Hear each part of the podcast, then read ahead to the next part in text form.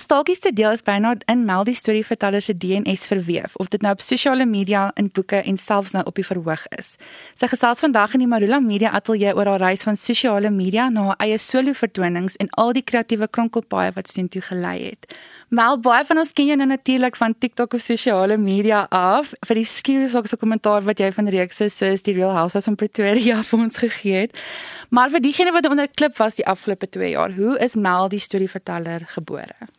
Mel die storieverteller was gebore eendag toe ek baie alleen was en toe besluit ek ek moet nou iets doen om myself besig te hou en bietjie ontslae te raak van my kreatiwiteit en ek is 'n ekspresionis so tydens Covid was dit vir my baie erg. So ek het net geskryf tydens Covid en hier aan die einde toe ons nou so bietjie ligtelik nog onder lockdown was, toe ek eers begine video's maak. En toe doen ek net 'n paar komiese sketse en toe hou die mense daarvan en toe ek sien toe het ek 20000 volgelinge op TikTok en toe dink ek, o, maar die mense geniet hierdie, kom ek maak nog 'n paar en vat dit 'n bietjie meer ernstig op en toe groei dit net baie vinnig.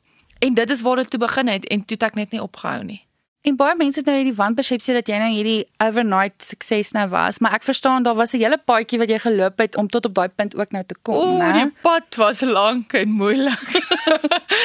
ja, ek het nog al 'n pad geloop, moet ek sê en ek was al vir baie audisies. Ek was bietjie in binnelanders in my vroeë 20's en ek was deel van agentskappe en ek het al my eie drama skool gehad. Ek was al 'n onderwyser. Ek het baie oor see getoer en ek dink toe eendag het ek net besluit ek is nou klaar gewag vir iemand om vir my 'n breek te gee. Ek gee vir myself die breek wat ek voel ek verdien. En dit was die regte tyd en daar het dit gebeur, maar dit was daai oornag sukses het 15 jaar gevat. Was daar so 'n spesifieke oomblik of 'n spesifieke video wat jy besef het ek dink die mense begin my nou herken. Ek dink ek kan iets hiermee doen. Ek was in 'n casino een aand en ek het bietjie van 'n dobbelprobleem gehad. Ek het daaraan gewerk, jy lekker sal hoor. Maar toe sit ek en iemand tik my op my skouer en sê vir my, "Maar is jy nie die vrou van TikTok nie?" Toe tog ek, "Wat 'n vreemde plek vir iemand om my nou te erken." Want op jou foon sien jy net nommers. Jy besef nie dis 'n persoon agter die nommer nie. En toe ek begin live shows doen net vroeër hierdie jaar, toe besef ek eers. Ek het glad nie aanlyn besef nie, glad nie. Ek het toe ek live shows begin doen en my eerste vertoning verkoop uit en ons 400 mense. En mense wil foto's van my neem en is daar en betaal om my te kom kyk. Toe besef ek, ooh, dalk weet mense van my. So dit is waar dit begin het. En jy het natuurlik hierdie jaar 'n groot sprong gevat van sosiale media na komediant, né? Ons kan maar sê komediant, jy is nou amptelik 'n uh, Afrikaanse vroue komediant. Kan jy glo? Hoe en hoekom het dit gebeur? Is dit iets wat jy nog altyd wou doen? Ek het nooit gedink ek gaan vir myself sê ek is 'n komediant nie, want dit sit stres op jou want dis soos jy moet nou snaaks wees. Mense verwag van jou om snaaks te wees. En om vir jouself te sê ek is snaaks, dit klink so Hoe kan jy dit claim? Dis vreemd. So nee, ek wou nooit 'n komediant wees nie. Ek wou net mense vermaak en laat lag, maar dit is seker wat 'n komediant is. En dit het net alles half saam gekom en dalk wou ek ook mense bietjie inspireer en motiveer. En dit het net alles van self gekom. Ek het nooit gesê ek wil beroemd wees. Ek het net gedink is vir my lekker dat mense so stil sit en luister en iets so geniet wat uit my mond uitkom nie. En dit is eintlik al wat dit is. So ek dink op die einde van die dag doen ek dit vir die mense. En ek dink dit is hoekom ek dalk suksesvol is sover want dit gaan nie oor my nie. Ek bekommer nie oor of is ek 'n superster en op die voorblad nie. Dis baie lekker. Dis baie lekker natuurlik, maar dit gaan vir my as baie meer as dit. Ja, dit klink nou so dramaties. maar dis die waarheid. En ons het ook bietjie so al klaar daaroor gepraat, maar jou eerste produksie by die Atterbury het uitverkoop en van daar af toe jy die land nou plat. Hoe voel dit vir jou want ek moet bieg, ek ken nie baie ander Afrikaanse vroue komediante nie. Dit voel vir my jy's nou besig om 'n nuwe pad oop te kerf vir ander vroue om dit ook te kan doen. Ja, en ek het nooit so daaraan gedink nie. Ek het net gedink ek doen wat ek doen en toe ek in die spasie is te besef ek maar daar's niemand anders soos ek nie. Daar's baie awesome vermaaklikheidsvrouens soos Liz Meyering en ons het nou nog gepraat oor Laerskool Noord se Margitelle. O oh, en Magda Lou van Desiree. O oh, dit dis my so goed. Maar hulle genre is anders want hulle is 'n karakter. En ek het nog nooit iemand in Afrikaans soos ek sien komedie doen nie. Dis altyd net die manne. En hier is dit toe nou dat ek toe nou gesien word as die baanbreker, maar my pa het eintlik al vir my gesê toe ek baie jonk was, het hy vir my gesê: "Sussie, jy loop paaie wat baie mense te bang is om te loop." So hy het gesê jy is die baanbreker. So hy het dit vroeg al in my gesien dat ek nie bang is vir daai risiko of om die eerste een te wees nie. Ek is baie geseën dat ek in die posisie is en dat ek daai talente het en ek vat dit, hoor. Ek bring my hamer en 'n kappie pad. Dis is reg. Ek wie sou sê is jou grootste inspirasies wanneer dit kom by storievertelling? Daar's natuurlik vreeslik baie mense wat 'n invloed het, maar my grootste twee invloede is Stolla van der Merwe en Nathaniel. Want toe ek Nathaniel was my heel eerste live show. My ma het my gevat. Ek dink ek was so 12. Ek dink nie ek mag gegaan het nie, maar ons het heel agter gesit en dit was my amazing. En toe koop my ma vir my sy boek Tuesday. Dit was een van sy heel eerste boeke en ek het toe die geleentheid gekry om hom te ontmoet laas jaar na een van sy vertonings in die Parel waar ek bly. En ek sê toe vir hom dit ek begin toe huil. Ek voel toe so stupid. Nou soos 'n regte fangirl. En ek fangirl nie regtig oor mense nie maar dit was nou vir my regtig 'n spesiale oomblik want toe besef ek eintlik wat se invloed hy gehad het op my lewe en sy boek en sy stories wat ek tot vervelings toe gelees het. En Tolla van der Merwe se maak 'n las het ons getyp en dan speel jy hom en jy stop en jy skryf die woorde neer en jy speel en jy stop en jy skryf die woorde neer en dan memoriseer ek al die woorde. En dan in die skool het ek die stories gaan vertel. En dan later dan dink ek maar hierdie storie is 5 minute lank. Maar die kinders sit en hulle luister en die onderwyser sit en hulle luister en hulle geniet dit. En ja, nou skryf ek my eie stories. So, hoe insane. Ek wil jou ook vra, voel jy dat party mense kyk dalk bietjie neer op mense wat hulle pad begin het op sosiale media? Is dit vir 'n bietjie moeiliker om jouself te moet bewys? Bewys, ja. Ja, en dit het ek nou begin ek agtergekom want in my wêreld aanlyn is ek soos een van die grootstes in Afrikaans nou natuurlik en in Suid-Afrika, maar in die regte wêreld waar mense nie hulle fone gebruik nie. So selfs as jy hier instap en sê maar wat is wie jy? Dan sê ek soos maar weet jy nie wie ek is nie. Want dit is so dis vreemd. Dan kom ek by 'n venue, dan het die venue dalk nog nie van my gehoor nie. En daar was 'n venue wat ek nie sal sê wie dit is nie, maar hulle het gesê niemand gaan 'n kaartjie koop vir 'n storieverteller wat hulle nie ken nie.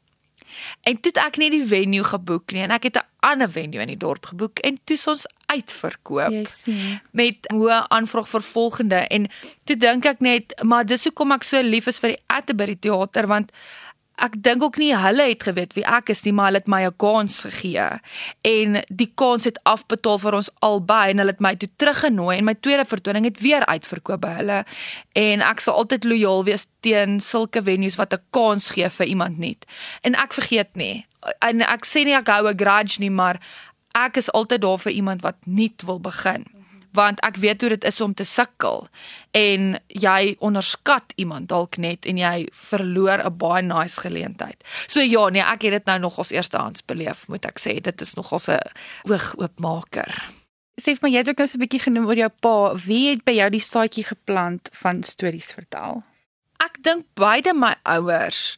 Hoe meer ek onderhoude doen, besef ek wat so groot invloed hulle gehad het want my pa het soos na kerk dan het hy vir ons Bybelstories vertel met soos daai bokkies waarmee jy speel daai plastiek bokkies en dan me me en hy maak gelykies en my ma het vir ons klere aan mekaar getimmer en gebraai met ook prentjies en stories. Dit was net stories altyd wat ons vertel het en ek en my susters het net stories en die bure se kinders. Onthou ons het nie fone gehad nie. Dis waar. Ek het eers in graad 10 'n foon gekry. So jy moes jou eie vermaak gemaak het.